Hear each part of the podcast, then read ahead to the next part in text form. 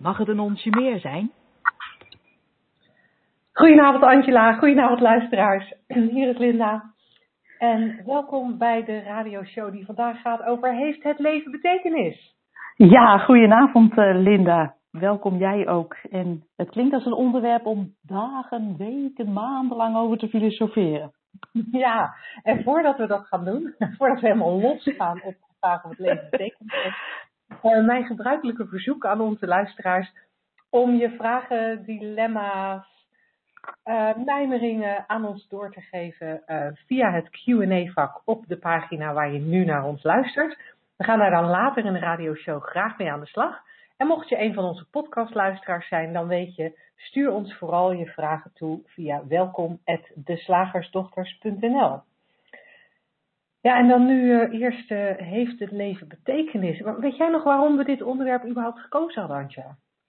Ja, jij en ik maken nog wel eens uh, onderling wat grapjes over hoe in de wereld sommige mensen spiritualiteit menen te moeten vormgeven. Mm-hmm. Die een bepaald idee hebben van hoe, hoe dat eruit moet zien. En dat je dan daar ook dat daar bepaalde dingen bij horen. En, en vaak hoort daar dan ook. Daar horen daar ook dingen bij als dat je bijvoorbeeld een, een, een dat je ziel een doel heeft. Ik kan even niet uh, op het soul purpose hebben we dat wel genoemd. Ja. Of dat je, dat je op aarde bent om, uh, ja, om, om om daar zin aan te geven. En op, als je daar niet over nadenkt, dat je dan toch um, ja, een minder waardevol leven leidt, zoiets. En uh, volgens mij was dat de aanleiding voor ons om, uh, om onszelf deze vraag te stellen. Als ik het maar goed herinner ja. hoor, maar misschien heb jij ja, een andere ja, beleving. Ja, nee, die weet ik ook weer, want, het, want dan, dan gaat het inderdaad heel erg over, um, ja, je moet wel een zinvol leven leiden. Ja. Um, je moet ook uh, iets achterlaten. Ja. Uh, eigenlijk best wel veel dingen. En uh, je moet ook je talent benutten. Maar er zijn vanuit, vanuit die hoek zijn, zijn eigenlijk best wel veel dingen die belangrijk geacht worden. Uh, om je leven betekenisvol te laten zijn. En om ervoor te zorgen dat je, nou ja, dus blijkbaar ook gelukkiger bent. En uh, nou, daar hebben wij zo onze vraagtekens bij. ja, ja, zoiets. en terwijl, en terwijl, jij, terwijl jij daarover zit, zat te praten, dacht ik ook, ja, er is nog een tweede invalshoek die misschien net een beetje daar, daar langs heen schuurt. En dat is dat ik ook veel, maar jij volgens mij ook, ook veel hoort dat mensen betekenis geven aan dingen die er in hun leven gebeuren. Uh, en dat hangt daar voor mij mee samen. Dat heeft ook te maken met het leven betekenis geven. Uh, um, het regent, dat betekent dus, um, ik ben nu deze week al drie keer die meneer op die rode fiets tegengekomen. Dat moet dan wel betekenen dat. Uh, of je af gaan vragen wat dat dan betekent, wat je daar voor conclusies uit uh, kan trekken. En ja, hoe, hoe zinvol is dat? Ja, ja, inderdaad. Het, het, lijkt, het lijkt soms belangrijk te worden gevonden dat, dat alle gebeurtenissen in je leven een soort, uh, dat je daarvan ziet wat, wat de plek is in, in, een groter geheel. Zoiets. Alsof er een, en ik weet niet of dat zo is hoor, maar alsof er een soort uh, scenario is waarvan jij uh, de tekst niet kent. En dat jij aan de hand van de gebeurtenissen in je leven dan een beetje moet gaan ontdekken van wat dat scenario is. En dan, oh nee, maar natuurlijk moest ik mijn been breken op 1 april 2006. Want anders had ik nooit in het ziekenhuis terechtgekomen waar die ene dokter werkt. Die dan weer een kennis had met een uh, huis. In, ja, nou ja, je, je begrijpt. Zo, je kan natuurlijk uh, achteraf uh, op deze manier ook betekenis geven aan allerlei gebeurtenissen in je leven. Of bedenken dat dat zo is. En ja, is dat nuttig? Nou, het, lijkt, het lijkt mij vooral vermoeiend. Ja, nou wat ik. Wat ik, ik, ik kijk, ja.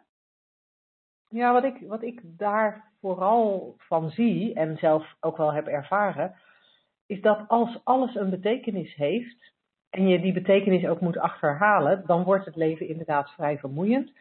Uh, maar, maar zeker als we, als we in deze radioshows, we kijken in de richting van de drie principes en we constateren eigenlijk dat, dat we onze realiteit altijd vormgeven via onze gedachten, of met, met onze gedachten en ons bewustzijn.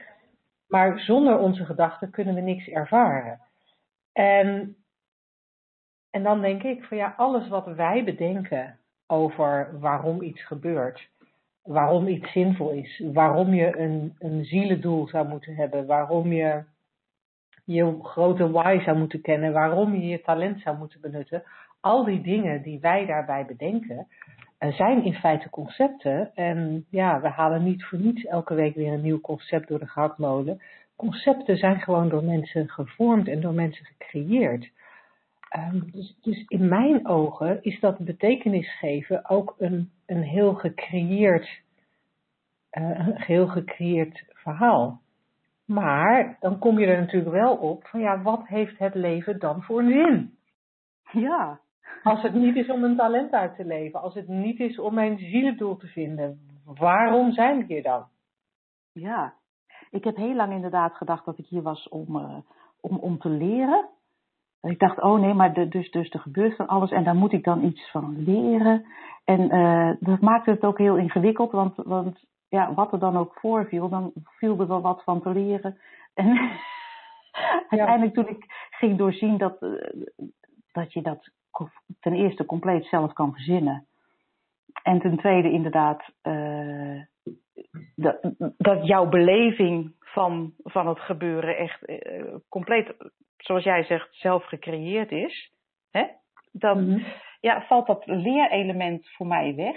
Terwijl ik wel denk, er, zijn wel, er is wel heel veel te doorzien als je eenmaal uh, um, als mens heel veel concepten tot je hebt genomen. En dat is bijna onvermijdelijk. Hè? Ik bedoel, we worden geboren, we leren dat een boom een boom is. Dat is al een concept. Uh, verder niet schadelijk, maar dat maakt niet uit. Maar ik denk, er valt wel heel veel te doorzien bij zonder daar uh, dat, dat, uh, het, het zwaar te maken. Ik, toevallig zat ik net mijn eigen website, alle grapjes die daarop staan, zat ik door te nemen met een vriendin. En ik had kwam daar een grapje tegen. Er was iemand, ik had van iemand een boek gekregen en daar stond achterop: Dit boek geeft zin aan je lijden. Okay. Daar, werd dus uit, ja, daar werd dus in uitgelegd waarom je leed. En dat gaf er dan zin aan. Dan was het allemaal uh, dus niet zo erg. En toen zei mijn geliefde heel terecht: lijden, nou daar heb ik helemaal geen zin in. en, uh, maar, maar eigenlijk die categorie is uh, waarom wij deze uitzending bedacht, dat onderwerp van deze uitzending volgens mij. Uh, uh, je lijdt en daar moet je zin aan geven. En dat denk ik, nou, misschien is het allemaal wel iets veel makkelijker, veel luchtiger, veel simpeler. Want het kost natuurlijk ontzettend veel moeite om dat allemaal uit te spitten. En heb je het dan wel goed? Was het dan wel die zin? Had je wel de juiste zin te pakken van jouw lijden? Ja, dan ga je, ja, ga je dood, blijkt dat het de verkeerde zin was. Dat is ook vervelend. ja, ja, of kom je er, ja, inderdaad. Of kom, of kom je er ergens halverwege je leven achter dat het toch een andere. Uh, of nee, je verzint halverwege je leven een andere reden. Moet je alles weer over een andere boeg gooien. Heel vermoeiend. Ja, ja heel vermoeiend. Ja, ik hoor twee dingen wat je zegt. Tenminste, ik, ik hoor iets heel specifieks in wat jij zegt. En tegelijkertijd zit ik er nog zelf een tweede ding bij te bedenken.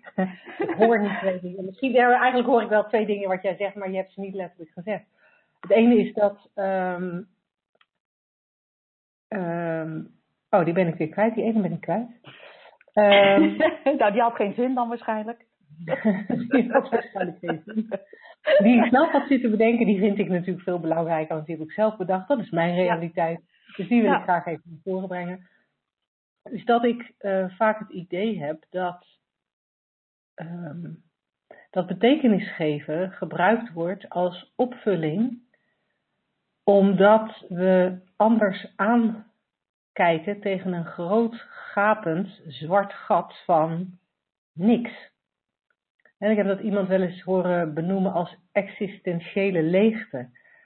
Uh, en dat existentiële, de existentiële leegte van het leven, namelijk dat het leven er alleen maar is om geleefd te worden en verder helemaal niks. Uh, dat dat zo angstaanjagend is om naar te kijken en om te zien dat we ons liever heel druk maken over van alles en nog wat. Busy, busy, busy, busy met het doen van dingen en het nastreven van dingen en het wegrennen van dingen en het bang zijn voor dingen en het uh, nou, streven naar dingen had ik geloof ik al genoemd, uh, dat, we, dat, dat we ons heel druk maken, omdat we anders misschien wel die existentiële leegte in de ogen moeten kijken. Herken jij dat? Ja, ik denk dat je daar inderdaad een heel uh, belangrijk aspect te pakken hebt. Want stel nu dat het leven van zichzelf, hè, van zichzelf aan zich geen zin heeft, wat dan? wat dan? En ik stond, uh, ja, het is voor mij ook heel, heel actueel dit. Ik stond, uh, of zat liever gezegd, afgelopen zondag aan het sterfbed van mijn vader. En ik zat daar met mijn uh, nichtje van 29 en haar broer van 24. Wij, hè, wij, hielden, wij waakten in, in wisselende samenstelling van familieleden. En wij zaten daar met z'n drieën en, en mijn nichtje is, uh, ja, die werkt in de makelaardij en ziet er altijd heel gelikt uh, uh, uit. Dat klinkt raar. Ze ziet er altijd perfect uit. Ehm, en wij zaten daar zo te kijken naar, naar, dat, naar het stervende lichaam van mijn vader. En dan komt eigenlijk onvermijdelijk de vraag op van wat is nou dat leven? Wat is nou mm. dat leven? En dat was echt, wij, wij keken zo en wij dachten wij, ik, we vroegen ons eigenlijk met z'n drieën af van wat is het nou dat dit, dat opa, vader, leven geeft? Van, wat maakt dat zijn hart klopt, al gaat het steeds zwakker? En wat maakt dat dat bloed nu nog stroomt, al, al zit daar steeds minder druk op? En wat maakt dat die ademhaling nog steeds doorgaat, terwijl, ja, wel steeds oppervlakkiger, terwijl mijn vader zelf eigenlijk al niet meer bij bewustzijn was? En, maar wat is dat dan? En wat is dat dan wat straks er niet meer is? Als hij daadwerkelijk hmm. overlijdt. Wat is er dan verdwenen? En, en we, we, vroegen ons dat niet af om een, om een antwoord te hebben, maar we praten er zo over. En, uh, en mijn nichtje zei van ja, dit is eigenlijk wel heel bijzonder. En terwijl zij dat dat in ons zit en dat het ook van het een op het andere moment weg kan zijn. En niemand weet wat het is en niemand weet waar het heen gaat, of het ergens heen gaat. En zij zei, maar als ik zo kijk naar opa, dan denk ik wel van, waar, waar doe ik eigenlijk de dingen voor die ik doe?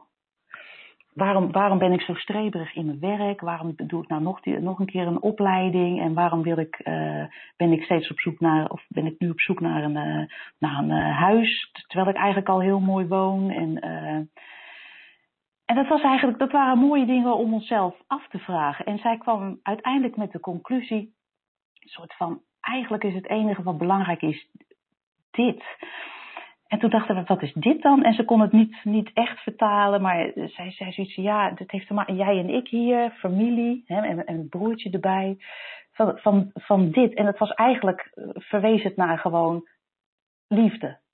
Maar niet, niet, niet, in, niet in de zin van, omdat wij een familierelatie hebben en ik hou van jou en jij houdt van mij. Maar gewoon de beleving van, van dit. We zaten daar, er was niets te doen, er was niets te, niets te zien, er was niets meer met opa te bespreken of met mijn vader, want die, die, die kon niks meer zeggen.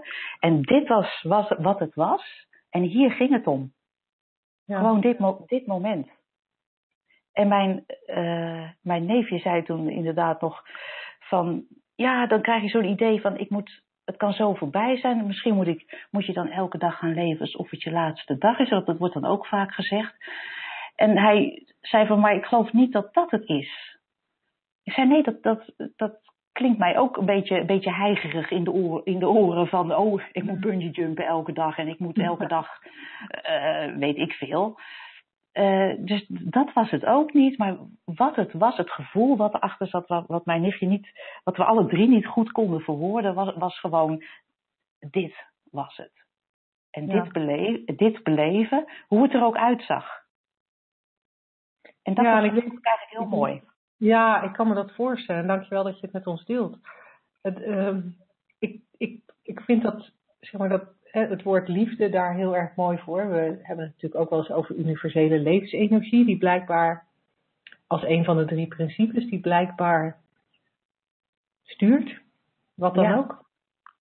Um, en wat, wat, je, wat je, met name wat je aan het einde aangaf, hè, van, um, over je neefje die dan zei van ja, uh, moet ik niet het leven leven alsof elke dag de laatste dag is? En toen constateerde to, uh, van niet Sydney Banks, uh, de, degene die de drie principes als zodanig heeft geformuleerd, um, hij zei heel regelmatig: Live an ordinary life. Of hij ja. zei: Be ordinary. Ja. En, en daar moet ik ook erg aan denken als jij dit vertelt. Want zijn.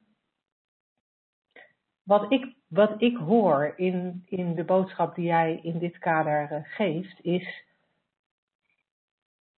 je bent hier om te leven. En, en wat het leven is en waar het vandaan komt, dat is, dat is voorbij wat wij als mensen kunnen begrijpen. we kunnen in de richting kijken, wat we ook proberen met deze radioshow. We kunnen in de richting kijken, maar we weten het geen van allen. Nee, het is maar blijkbaar is het leven er om geleefd te worden, om de menselijke ervaring te ervaren. En hoe meer je dat ja, gewoon doet, de gewone dingen, de, de liefde voor de mensen in je leven, voor je huisdieren, voor je huis, voor, voor wat dan ook. Maar gewoon leven zonder streven, zonder de beste te willen zijn, zonder altijd maar mooier te willen zijn. Zo heb ik het gehoord. Ja. Uh, dat is eigenlijk waar het, uh, waar het om gaat. En dat is ook waar het geluk huist. Ja, het verhaal gaat ook inderdaad dat Sydney Banks, de grondlegger van de Three Principles, of nou ja, hoe je het ook wilt noemen, uh, bij elk kopje thee wat hij nuttigde zei, this is the best cup of tea ever. en ik moet eraan denken, want mijn, uh, er logeert momenteel een vriendin bij mij en die um, bracht mij net een kopje thee voor de radio-uitzending. En ik dacht, oh heerlijk, the best cup of tea ever. Heel gewoon, je hoeft niet elke dag te bungee jumpen. Gewoon dit is wat er is, wat er ook is. Ja, ja mooi. Ja. ja. en dan heb je het eigenlijk over, over heel erg elk moment waarderen. Um, of waarderen, ja. ik weet eigenlijk niet eens of waarderen echt het goede woord is. Maar elk moment leven. Ja, ja, want er zijn inderdaad wel eens momenten waarin je het even niet kan waarderen. Ja, maar, niet maar, moment vind ik dan. Nee, maar dan, dan beleef je dat. Ja. ja, mooi gezegd. Cool. Ja. Zullen wij door naar ons volgende onderwerp? Ja, dat is goed. Ben je er klaar voor? Ik wel. Slagersdochters, wat zit er in de leverworst? Oftewel, tijd voor wat wetenschap. Ja, ik heb deze week een blik geworpen in iets wat eigenlijk veel te ingewikkeld is voor mij. Okay. De, uni de Unified Field Theory. Dus ik ga, het heel, ik ga heel simpel een aantal aspecten daarvan bespreken waarvan ik dacht, oh, oh, oh ja, dat, oh, dat is wel interessant. Uh, zonder die hele theorie uh, uh, te gaan uitleggen, want als ik het niet snap, dan kan ik het ook niet overbrengen. Hè? Maar goed, het is simpel gezegd, de theorie waar die op neerkomt, is dat men, waar men al tientallen jaren naar op zoek is, een theorie die alle bekende natuurkrachten, hè, zoals de zwaartekracht, de wet van behoud van energie, hè, al die natuurkrachten, uh, verenigt in één model waarvan wij kunnen zeggen, dit is het model, zo zit het universum in elkaar. Nou, al tientallen jaren is men daar naar op zoek. Theorie na theorie komt er. Uh, maar wat ik uh, las deze week, of zag eigenlijk, was dat, dat men voornamelijk heeft gekeken tot nu toe naar uh, hoe ziet het universum er dan uit. En dan kijk je dus naar de zon, andere planeten, de sterren, de aarde en ook jij en ik. Hè? Want wij zijn natuurlijk ook dus naar de materie, laat ik het zo zeggen. Jij en ik mm -hmm. zijn natuurlijk ook ma materie. Dus men heeft gekeken van wat is die, oh, die materie, hoe verhoudt zich dat, hoe gedraagt zich dat. En uh, daaruit willen wij een theorie van alles, uh, ja, hoe noem je dat, extraheren, komt in mij op, maar dat vind ik een heel ingewikkeld woord. Daar willen we een theorie van alles van maken. Maar, mm -hmm. zegt men nu uh, recent in de Unified Field Theory, materie jij, ik, de zon en alle planeten, uh, is maar 4% van alles van, van het hele universum. En waarom zouden wij kijken naar hoe die 4% zich gedraagt, als, die, als we niet weten wat die andere 96% is? Tot nu toe wordt dat afgedaan als, nou ja, dat is dark matter. Weet je, dat, dat, ja. dat kennen we niet. Maar de Unified Field Theory, oftewel kwantumveldentheorie, die kijkt dus naar de ruimte tussen alles. Nou, dat is heel interessant. Want die ruimte tussen alles, tussen alle planeten, sterren, jij en ik, die is niet leeg. Ook al kunnen wij er niks in zien. Maar die is bruisend vol energie. Zoals het werd uh, beschreven, zag ik een, een soort, soort geschud blikje cola voor me wat dan open ging. Mhm. dus, dus de ruimte die er is, is niet leeg, maar daar zit een heleboel energie in, een hele, hele compacte energie ook. En als we kijken naar ruimte, ja, ook alle materie, ook alle atomen waar de ruimte uit bestaat, en jij en ik bestaan natuurlijk al uit, uit atomen ook, daar zijn wij uit opgebouwd, net als de bomen en, en de planeten. Ook in die atomen zit 99,99% ruimte. Dus eigenlijk zijn jij en ik helemaal leeg, bijna. Mhm. En, en tegelijkertijd vol met die energie. Nou, dat Ja. vond ik interessant. Nou, alles in het universum, zegt men, is dus verbonden via die ruimte. Dat is logisch, dat kan je ook zien. En in die ruimte die we altijd leeg hebben gedacht of altijd hebben afgedaan als nou, dark matter, niet zo interessant of we weten niet wat het is. Daar zit juist eh, alles in wat, we, eh, wat, wat wij nodig hebben om eh, een theorie voor alles te maken. Daar zit een oneindige intelligentie in, zegt men. Oneindig veel informatie. En dat is grappig, want dat zeggen de Three Principles natuurlijk ook, hè, dat, eh, dat eigenlijk eh, alle informatie eh, al, al in jou zit. En dan denk ik, oh dat is grappig, dat is hier dus de materiële uitdrukking daarvan. Al onze cellen, al onze atomen eh, bestaan uit ruimte, maar die ruimte is niet leeg, daar zit een oneindige intelligentie in. Oh, daar, daar verwijzen de, de Three Principles eh, eigenlijk ook naar, hè? Ja. Ja, en eigenlijk bij deze theorie zegt men dan ook, hè, pratend over die ruimte die dan eigenlijk die zo vol is, dat men daar in het boeddhisme ook al over, over, eh, over sprak en in andere religies. Nou, voorheen was het zo eh, eh, in, de, in het materialistisch wereldbeeld en ook zelfs nog eh, vastgesteld of, of bedacht door Einstein, is die, die, die ruimte. Hè, hij ruimte tijd maakte die ervan, toen hij ontdekte dat ruimte en tijd niet van elkaar gescheiden zijn. Ja, die buigt dan en dat zijn dan een soort zwarte gaten. Het lijkt nu of ik heel ergens anders over gepraat hoor, maar het komt straks weer bij elkaar. Maar in de Unified, Unified Field Theory zegt men nee, die ruimte waar wij naar kijken, dus, dus die, die, die zogenaamde leegte die zo vol is, die, nee, die, heeft, eh, die, die draait rond, die bubbelt in vortexen, zoals je bad leegloopt. Als je daar een stopje uittrekt, Ja. zie je het voor je, Mhm. dan gaat, gaat je water niet recht naar beneden, maar dat vormt Nee, zo'n dat vortex.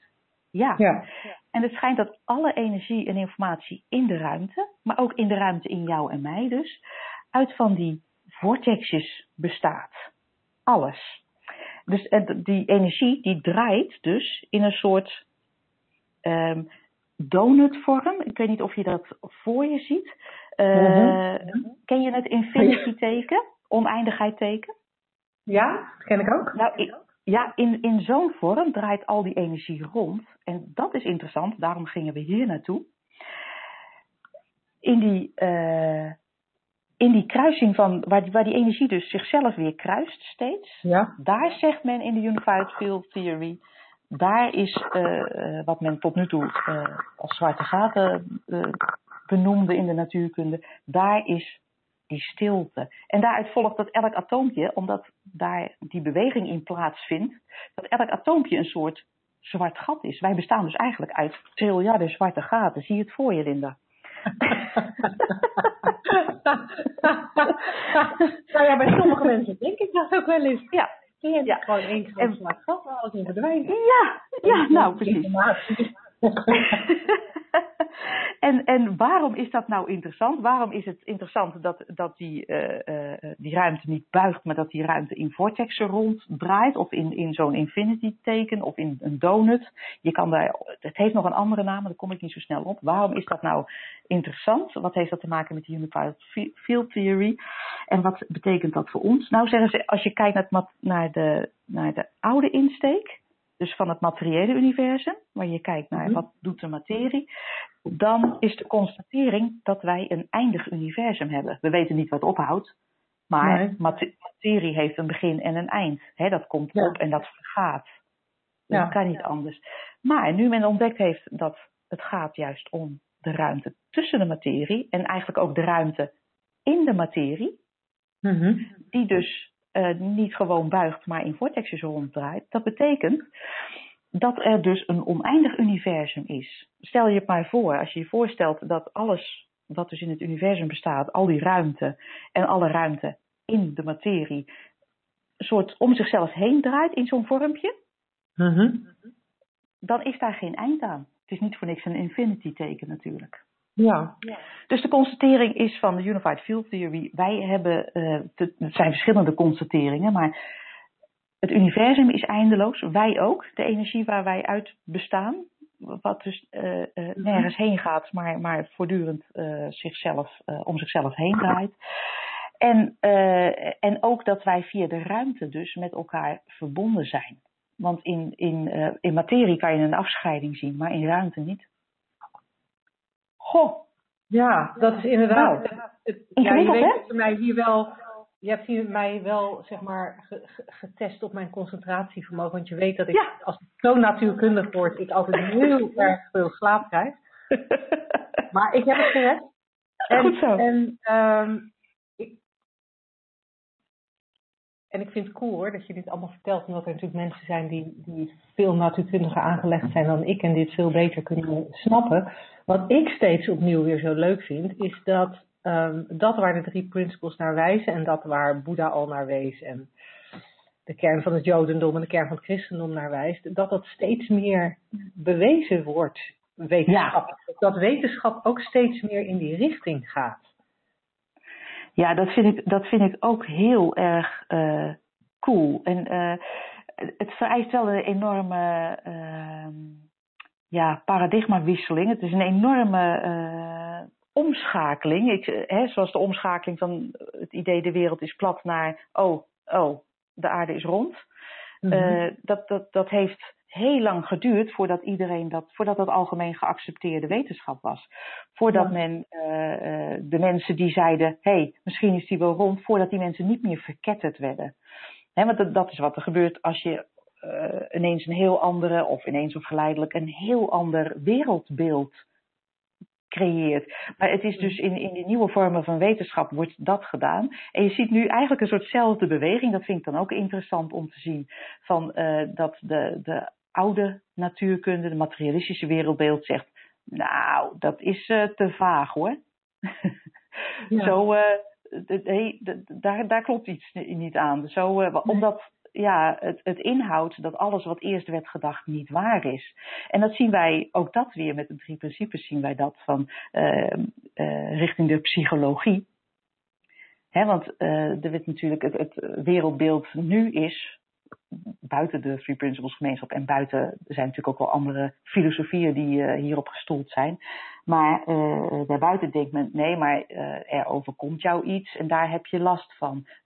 Je hebt stressvol werk en daar heb je last van. En in de Three Principles psychologie hè, is, is het precies andersom. En Ja. je ziet dat het inmiddels al 40 jaar duurt om, om dat inzicht wat meer algemeen geaccepteerd te krijgen. Maar ik vind dat ook wel eh, interessant om te zien dat het uiteindelijk eh, ja, alles anders maakt.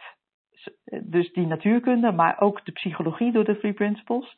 En, eh, en dat dat gewoon tijd nodig heeft en dat ook degene die dit eh, eh, ja, in eerste instantie uitdragen, ook wel eens ehm, ehm, ja, dat het afgedaan wordt als onzin, als esoterische onzin. Ja. ja. Nou ja, dat kan, ik- kan ik me voorstellen, want het is, het is moeilijk te bevatten. Ja, Eh, het is niet te beschrijven. Nee, nee, terwijl ik, eh, als ik naar mezelf kijk, pas op het moment dat ik ging, de positieve effecten ging ervaren van in deze richting kijken, het- het- toen werd ik toch wel nieuwsgierig van, hé, hey, als ik me al zoveel beter ga voelen, wat is er nog meer te halen? En, en ja, weet je, dan ga je er vanzelf in mee. Dan ga je vanzelf meer kijken en er meer over praten. Ga je er radioshows over doen. Dus ja, ja cool. Hey, gaaf. Dankjewel. Alsjeblieft. Zeg, slagersdochters, hoe bak ik die vegaburger? Over naar de luisteraarsvraag. Ik Nou, heb hier eh, ja, de mail van eh welkom at de slagersdochters. Heeft wel verschillende mailtjes binnengekregen met eh, complimenten. Ga zo door en dat het leuk is. Maar een vraag zat er niet bij. Misschien zijn we gewoon te helder, Linda. Nee, ik heb gelukkig wel een vraag. Oh, mooi. Dit van een van onze live eh, luisteraars. En er is iemand die zegt, de, de verbinding is helaas verdwenen, alleen nog maar muziek. Oh. Ehm, dat, ehm, ja, Hmm. Terwijl wij hier toch niet anders zien dan dat wij gewoon online zijn. Ja, zeker. Dus ik weet niet zo goed wat ik daarmee moet. Dus laten wij maar gewoon doorgaan. Ehm, eh, onze vraagsteller is een, ehm, heeft de volgende vraag. Hey Angela en Linda. Wat kan ik eraan doen wanneer mijn partner aan verlatingsangst lijdt? En hij schrijft verlatingsangst tussen aanhalingstekens. En steeds het huishouden, haar kinderen, mij en alles eromheen controleert, mijn gangen nagaat, zich overal tegenaan bemoeit, mijn leven probeert te beïnvloeden op een negatieve manier en het liefste ruzie maakt zonder daarna uit te praten en tevens probeert de wachtwoorden van mijn telefoon en laptop te achterhalen, omdat ze wil weten met wie ik chat en wanneer en hoe lang. En een droevig gezichtje. Ik neig er steeds naar een punt achter de relatie te zetten. Hoe gek, ik ook, hoe gek ik ook op haar ben. Therapie wil ze niet, want dan zegt ze: Ik ben zelf ook therapeut van mensen met dit soort problemen. Ik los het zelf al op. Maar die uitspraak is helaas een uitspraak van alweer anderhalf jaar geleden. Ja, sorry, ik ben even afgeleid. Er loopt een het hier langs mijn raam. Ik... Ah. Gewoon op zijn dode gemakkie. Ik dacht, nou, hij is nu overgestoken. In het Drentse Ja, land. In het Drentse land. Ja, Ja. ik- nou, hij heeft nog steeds geen haast. Het is echt prachtig. Oh, weet je wat er het eerste in me opkwam met deze vraag? Maar we gaan er straks natuurlijk dieper op in. Heel veel van de houden. Ja. Ja. Ja. Ja. Ja. ja. Nee, dat is eventjes, eh, dat was wat in mij opkwam. Maar er valt natuurlijk heel veel over te zeggen. hè? ja. Ja. Eh, Geef Ja, jij een voorzetje of zal ik hem, eh, zal ik Nou, hem zal, zal, ik- zal ik aanzwengelen? er gewoon even, even, even, even in, eh, inschieten met wat Ja. het eerste in mij opkomt. En dat is wat Ja, anders dan, ehm, eh, wellicht dan, eh, dan jij wil zeggen. Maar dat is natuurlijk het fijne dat we het met z'n tweeën doen. Dat we verschillende invalshoeken krijgen. Je kan er natuurlijk ook op verschillende manieren naar kijken. Je kan natuurlijk zeggen van, hé, hey, weet je, ehm, anonieme meneer, we geven je even een naam. We noemen je even Kees. Kees, vind ik goed. Ehm, ja, Ehm, dat praat even makkelijker. Hey Kees, ehm, eh, het zal allemaal wel meevallen. Maak je niet zo druk. Het is niet op, eh, op jou gericht. Als jij er last van hebt, dan zijn dat jouw gedachten en niet haar gedachten. Dat is een beetje de kort door de bocht eh, manier. Ehm, Ik heb lang geprobeerd op die manier te leven. Van oké, als ik ergens last van heb, dan zijn het mijn gedachten. Ehm, dus als ik last had van het gedrag van een partner, of last had van het gedrag van een kind, of van een klant, of van een vriendin, of wat dan ook, dan was mijn Pavlov-reactie: oké, het zijn mijn gedachten dat ik hier last van heb. Mhm. En daar zit veel in. Want ehm, ehm, maar ik heb wel eens een artikel geschreven over hoe je soms enorme ruzie kan krijgen over het feit dat je partner ehm daar kleren alsmaar achter zich laat slingeren. En dat jij dat dan op moet lopen ruimen. En dan, dan kan je dat heel erg voelen als, ja, ze, ze, ze, is slordig en ze geeft. Je kan dat ze slordig is, is niet zo erg, maar je kan het persoonlijk nemen. Van ze, ze, ze weet dat ik dat eh, niet prettig vind. Ze weet dat ik van een opgeruimd huis hou. Daar houdt ze geen rekening mee, dus houdt ze geen rekening met mij. Weet je, en dan, en dan neem je zoiets eenvoudigs als het laten slingeren van kleren, maak je heel erg persoonlijk. Dat zit heel erg in je eigen gedachten. Dat zit heel erg in je eigen hoofd. Ehm, het, het controleren eh, kan ook eh, heel erg in je. eh, het feit dat zij jou controleert, kan ook heel erg in jouw hoofd zitten. Ehm, het feit dat ze je gangen nakijkt, kan ook heel, nagaat, kan heel erg in je hoofd zitten. Ehm, maar zelfs als het niet in je hoofd zit, kan je daar ook op verschillende manieren mee omgaan. Je kan ook zeggen, ik heb wel eens, ik heb wel eens een, een, eh, iemand ontmoet, eh, wiens vrouw ook al zijn gangen naging. Maar hij zag dat meer als, ja, dat doet zij nou eenmaal. Ehm, en hij zat daar niet zo mee. Eh, hij hield daar rekening mee. Dus sommige dingen zette hij niet in zijn telefoon, of deed hij niet via WhatsApp, of deed hij niet via de e-mail, omdat hij dat inderdaad voor zijn vrouw geheim wilde houden. Eh, kan je ook van denken van, hé, ze, ze voelde het dus goed aan, maar wat vooral omga- waar het vooral om gaat, hij, hij, vond het, hij, hij had daar niks mee. Nou, onze vragensteller vindt het wel heel vervelend dat dat, dat, dat gebeurt en ervaart veel negativiteit uh, van, uh, van zijn partner. Mm um, maar ik durf het bijna niet te zeggen, maar um, je kan ook gewoon weggaan. Als, als het je niet bevalt en als je het vervelend vindt, kan je ook gewoon weggaan. En dan kan je natuurlijk zeggen, ja, maar ik ben ook heel erg gek op haar. Ja, dat kan. Maar er zijn heel veel mensen om gek op te zijn. We hoorden eerder deze uitzending al, liefde is eigenlijk universeel. Het, alles bestaat eigenlijk uit liefde. Uh, alles is liefde.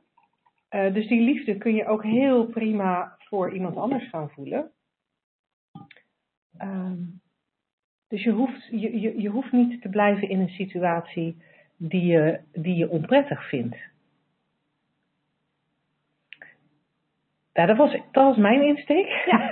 en ik weet dat daar mitsen en maar aan zijn, en die heb ik ook al voor een deel ja. gegeven.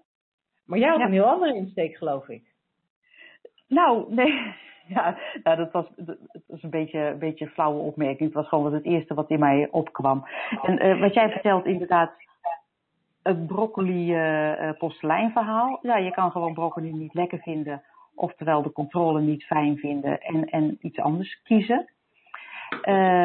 Ja, klopt. En wat ik nog als aanvulling zou willen geven, wat mij altijd heel erg helpt, is om naar te kijken niet naar wat er gecreëerd is, dus angst en achterdocht, en, maar naar wat er creëert. En ja, dan kom ik toch uit op uh, uh, hoe de menselijke ervaring wordt, uh, in elkaar zit. wij zeggen dan de drie principes.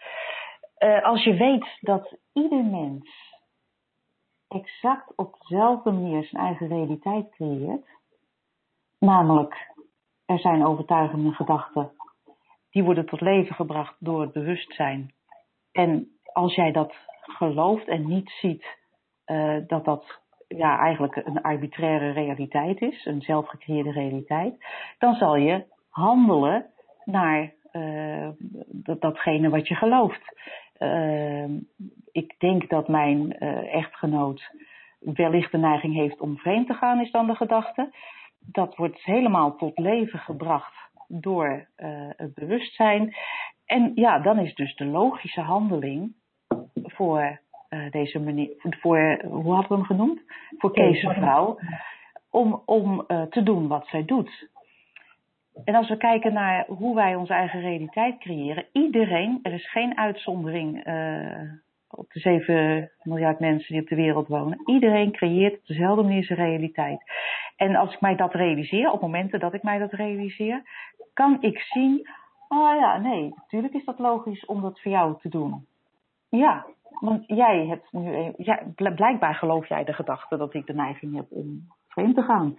Of nee, natuurlijk uh, doe je dat, want blijkbaar geloof jij uh, de angstige gedachte dat ik, uh, weet ik veel, je kan van alles geloven. Dus nou, bij me dat... weggaat, blijkbaar ben je, ja. blijkbaar geloof je de gedachte dat je het niet zonder mij kunt, blijkbaar geloof ja. je de gedachte dat je kinderen afhankelijk van je zijn, dan moet je ze dus ja. controleren. Ja. En, en dat zien, uh, al, en allereerst moet je dat bij jezelf zien, denk ik. Want da daar gaat het natuurlijk altijd vanuit bij jezelf zien hoe jij de realiteit van die ander creëert. Dus jouw ervaring van je vrouw uh, uh, creëer je ook zelf. En andersom ook. En als je kan zien hoe dat werkt, in één keer, bij stukje bij beetje, uh, het is gewoon handig om deze richting in te kijken. Dat neemt al een heleboel weg van de irritatie, is mijn ervaring. Want op momenten dat je van jezelf kan zien dat je een of andere willekeurige gedachte gelooft en daarop handelt. Wat, wat je eigenlijk altijd onschuldig maakt. Want oh ja, nou ja, je gelooft nou eenmaal op die gedachte, dus deed je die handeling. En volgende keer geloof je misschien niet meer, doe je wat anders. Als je dat bij jezelf kan zien, hoe je je realiteit creëert, dan kan je dat ook makkelijker bij anderen zien. En dan, dan, dan ontstaat er gewoon eigenlijk vanzelfsprekend een soort uh, nou ja, begrip in ieder geval wil niet zeggen de, inderdaad dat je uh, tot in lengte van dagen dit moet ondergaan en toch de postelijn eten terwijl je eigenlijk liever broccoli hebt. Maar het is ook mijn ervaring dat als, het, als dit ten diepste wordt gezien, oh, we, we creëren dit allemaal zelf. Ik creëer mijn beleving van jou. Jij creëert, creëert je beleving van mij. We creëren allebei een ervaring van, van het leven, van onze kinderen, van alles wat er gebeurt. Ja, dat, Mhm. dat, dat verandert gewoon dingen. En Ja. niet alleen bij jezelf, maar ook bij de mensen in je omgeving. Ik heb op een gegeven moment door. Ik, de tijd is kort om daarop in te gaan, denk ik. Maar op een gegeven moment eh, iets, veranderde iets in mij. Ik kreeg een inzicht in een. Dat was een eh, relatie met mijn vader.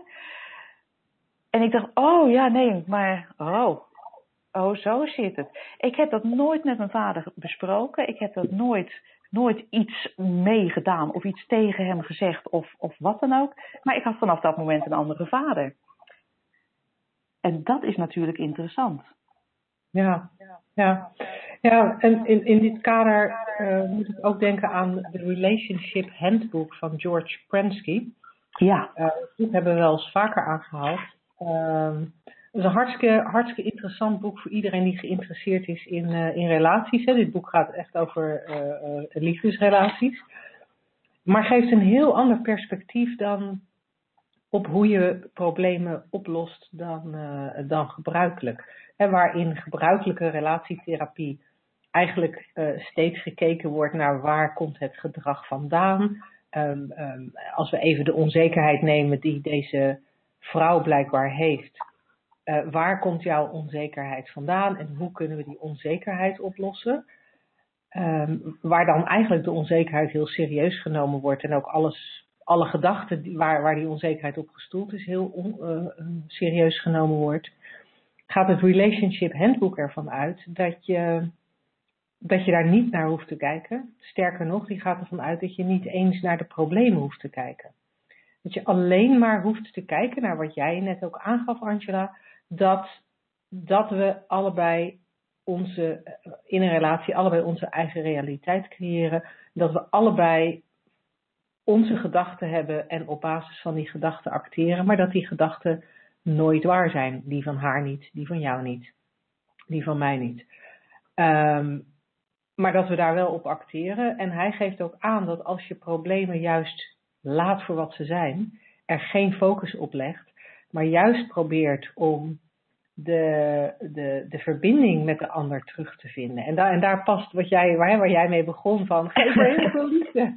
En dat past daar natuurlijk bij. Door, door, de, door de verbinding uh, terug proberen te vinden, uh, kan, je, uh, kan je heel veel ruimte scheppen om op veel rustiger momenten weer met elkaar in gesprek te gaan. Wat er veel gebeurt namelijk als je, uh, relatie, als je een relatieprobleem hebt, dat, uh, nou ja, weet je, hij, uh, nou, laat ik even voor mezelf spreken, uh, laat ik het even weghalen bij de luisteraar, maar dan, dan, dan, kan het voor, dan zou het voor kunnen komen dat mijn partner, die doet iets, dat vind ik vervelend, ik ga daar veel over na zitten denken, want op een gegeven moment irriteert het me echt allemaal mateloos, zoals wij ook van onze vraagsteller zien. Er zijn heel veel dingen uh, waarvan hij zegt, ja, dat past, dat, dat vind ik gewoon niet fijn, dat vind ik echt niet leuk. En hij kan heel veel dingen opnoemen. Dan ga je daar automatisch meer en meer en meer over nadenken. En dat, dat haalt je gemoedstoestand naar beneden. Je wordt, je wordt er niet vrolijker van. En je komt eigenlijk in een soort gedachtenstorm terecht, die alsmaar gaat over wat er in die relatie plaatsvindt.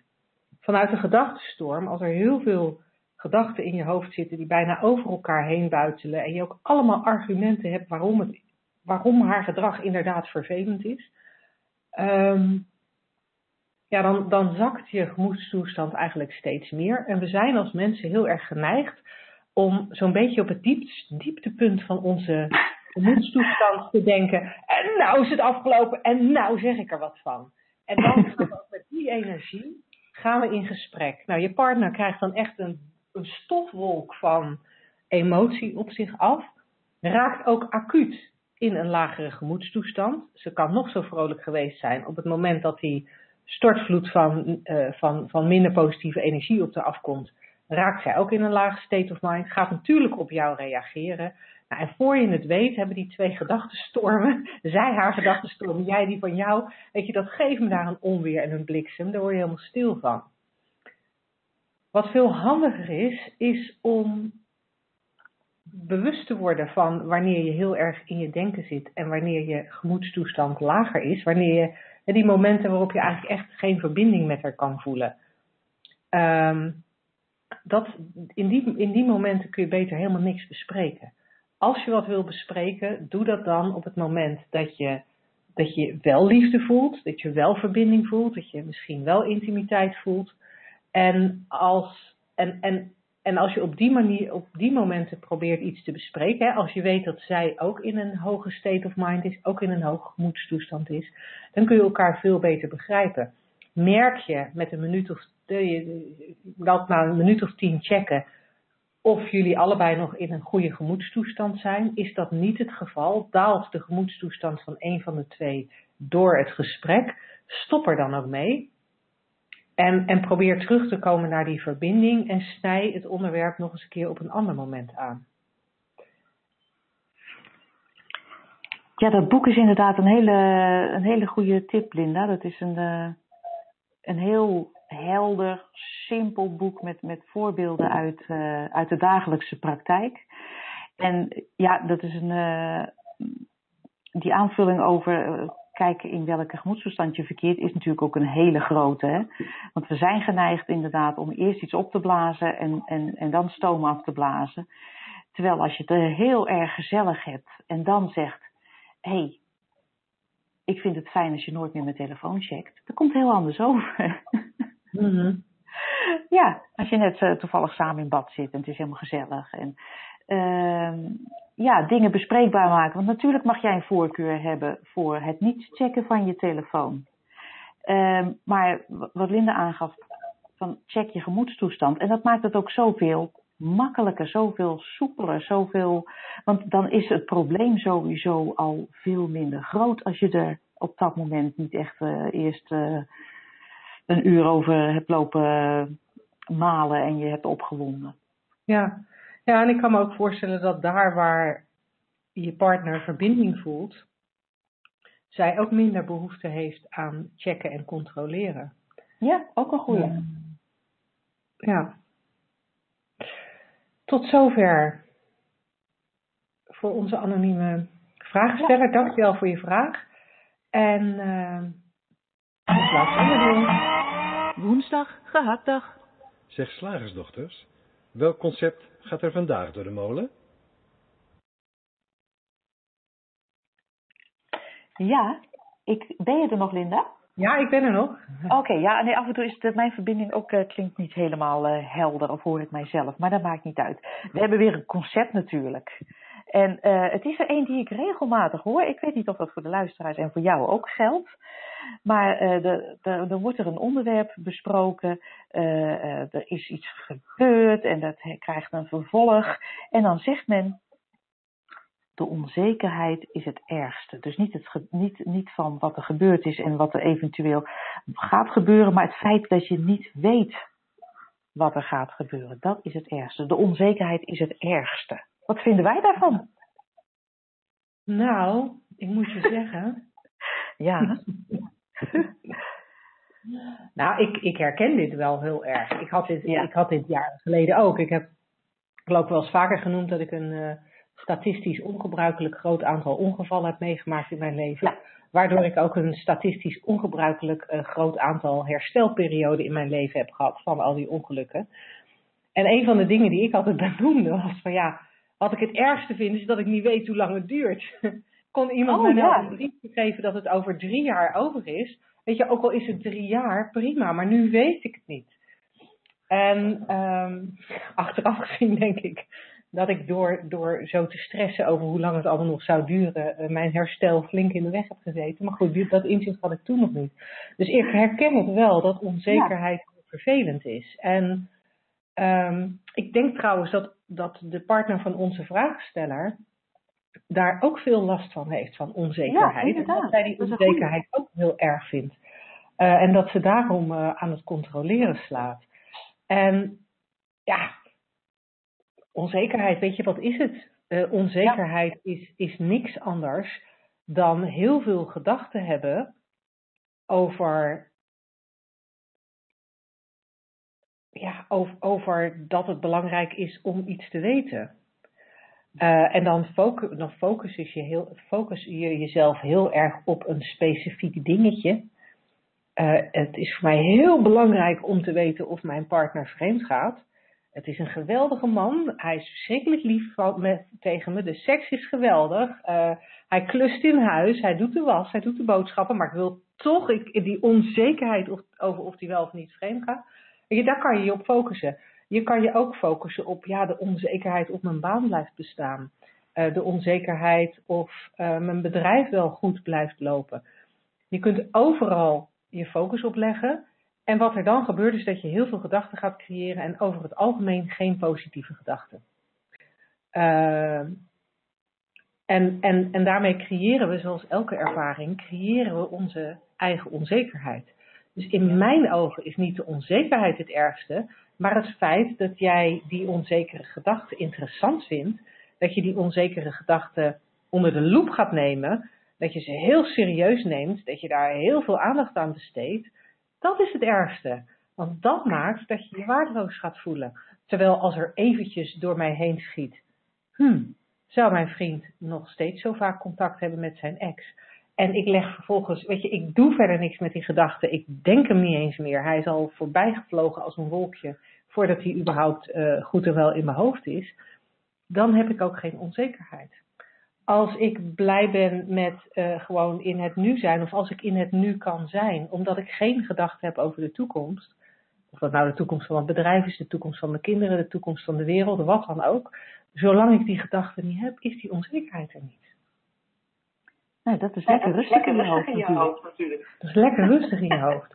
En ik heb, ik heb dit hele item heb voor mijn gevoel nu een beetje gedomineerd. nee, ik heb nog, ik heb nog best wel een, uh, een perspectiefje hoor. Oh, leuk, leuk, leuk, leuk. Ja, ja daar, daar, daar reken ik al. ja, maar ik vond het wel heel mooi, uh, heel mooi toegelicht ja, van, uh, van hoe dat werkt. Want uh, wat, wat ik ook een heel uh, grappig aspect hieraan vind, is dat wij überhaupt de illusie hebben dat we ergens zekerheid over kunnen hebben als het nog niet plaatsgevonden heeft.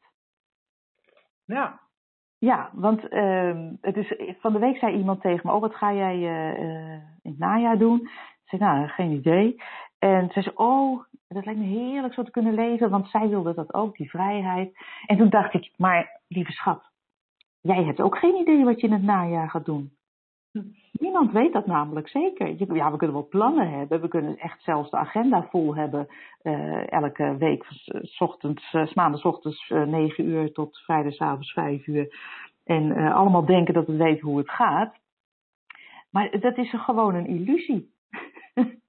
dus, ja, ja, weet je, dan valt, er, dan valt er op zaterdagmiddag ineens een zonnescherm op je hoofd. Of er ja. Of sport trein, om maar een paar van mijn willekeurige ongelukken te noemen. oh, is dat echt? en van die zonnescherm kende ik nog niet. Maar uh, ja, of je, je, je bedenkt een uh, Nobelprijswinnend idee, dat, dat, dat kan ook. Maar ja. de essentie is, we leven eigenlijk allemaal als mens 100% in onzekerheid over het volgende moment. Want ja, dan gaat dat zonder scherm. En als die even verkeerd valt, kan dat het einde zijn van jouw ervaring. Ja. Uh, dus, en en het, dat lijkt heel moeilijk zijn, te, zijn, ac, huh? accepteer, te accepteren te zijn. Wat een rare zin. Ja, en, en, en, maar het is wel zo. Ja, en eigenlijk maak je daarmee een heel mooi cirkeltje naar waar we deze uitzending mee begonnen zijn ik vermoed dat om die onzekerheid, die onzekerheid is, is wat mij betreft ook die existentiële leegte, die, on, ja. die onzekerheid, om die te bedwingen, gaan we dan van alles verzinnen. Gaan we betekenis ja. verlenen aan van alles en nog wat? Gaan we betekenis verlenen aan het feit dat onze partner uh, toch wel heel veel op zijn telefoon kijkt? Gaan we betekenis verlenen aan uh, uh, wat er in de krant staat? Want daaruit proberen we dan te distilleren of de kans dat onze baan over een half jaar nog bestaat uh, groot of klein is. Um, ja, en in dat, in dat kader vind ik het ook heel belangrijk om te vermelden dat wat wij uh, uh, vanuit de Three Principles zeggen, van dat je alle zekerheid in jezelf uh, hebt, omdat daar nu eenmaal die oneindige intelligentie van het leven zit. Dat wat er ook gebeurt, en daar zijn we 100% onzeker over, maar jij bent altijd oké. Okay. Dus je bent altijd oké. Okay. Ja. En je zult, is- en je zult, sorry. Ja, nee, ga door. Nou, je zult, wat we natuurlijk ook vaak doen, is dat we ons dan, dan nu van alles in ons hoofd halen over wat er eventueel in de toekomst wel of niet zou kunnen gebeuren. Eh, vanuit dat zekerheid zoeken. Eh, Maar wat ik altijd mooi vind om mezelf te realiseren, is dat vanuit nu, waar ik nu ben, en op dit moment zit ik achter mijn keukentafel, achter mijn laptop met jou deze radioshow te maken, kan ik helemaal niet bedenken hoe de Linda van over drie maanden zal reageren en welke oplossingen zij zal kunnen bedenken voor de situaties die dan ontstaan en hoe zij om zal gaan met de situaties die dan ontstaan. Ehm, want, want wie ik nu ben, omdat alles zo veranderlijk is en het leven zo vloeiend is en mijn gedachten zo vloeiend zijn, eh, kan ik over drie maanden heel anders denken en heel anders reageren dan ik nu verwacht. Dus het is niet eens zinvol om nu te proberen iets te voorspellen voor de toekomst. Je kunt er alleen maar op vertrouwen dat je, dat je het dan wel weet, dat je het dan wel oplost en dat je, zoals jij zegt, altijd oké zult zijn in elk moment. Omdat die zekerheid, die stabiliteit, dat welzijn, die balans, die zit gewoon in je. En het enige wat dat in de war brengt, zijn je gedachten. Ja, mooi. Ik moet ook weer even denken aan Kees met zijn vraag. Want ik, ik, ik denk dat, dat dit wetende, ja, heb je ook helemaal geen behoefte aan eh, de illusie van controle, de illusie van dingen in de hand hebben, de illusie van dingen eh, te kunnen regelen en vast te kunnen houden. En eh, da- daar heeft natuurlijk Kees niks aan eh, om dat aan zijn vrouw te vertellen, want dat. Nou, misschien ook wel trouwens. Maar ehm, het gaat erom dat we dat allemaal in onszelf kunnen vinden. En wetend dat het ook in die ander zit, dat helpt ook al enorm. Ja, ja en, en weet je, dat, dat, dat brengt mij erop dat ik eigenlijk ook nog wel even zou willen opmerken dat een ander vertellen hoe het zit, ehm, vaak minder goed werkt dan het zelf gewoon leven. Ja, Door zelf zo te zijn, door Ja. zelf eh, vertrouwen te hebben in het nu en te vertrouwen dat het wel oké is. Dus verder weinig onzekerheid te voelen, oprecht te voelen. Ehm, dan, dan laat je ook aan anderen zien. En, en dat is vaak zeg maar, hoe, het, hoe het ook kan. En dat is vaak nog veel sterker dan het vertellen. ja zeker. Daar heb je een heel, heel, eh, heel goed punt te pakken. Balans is besmettelijk. het is besmettelijk. Ik voel een nieuwe uitzending aankomen. hey, ik denk dat we, dat we mooi rond zijn hè, op deze manier. Ja, dat denk ik ook. Dankjewel Linda voor het mooie gesprek. Ja, jij ook dankjewel. Dankjewel aan onze luisteraars. Dankjewel aan de vragensteller. En je weet, eh, je vragen zijn, net als de vraag van vandaag, altijd welkom. Of via de pagina waarop eh, de radioshow op woensdagavond live is. Je kunt je vraag zelfs al eerder indienen op die pagina dan, eh, dan alleen tijdens de uitzending. Eh, maar je kunt ons natuurlijk ook mailen. eh welkom deslagersdochters.nl Heel fijne dag verder en graag tot de volgende keer. Dag! Tot.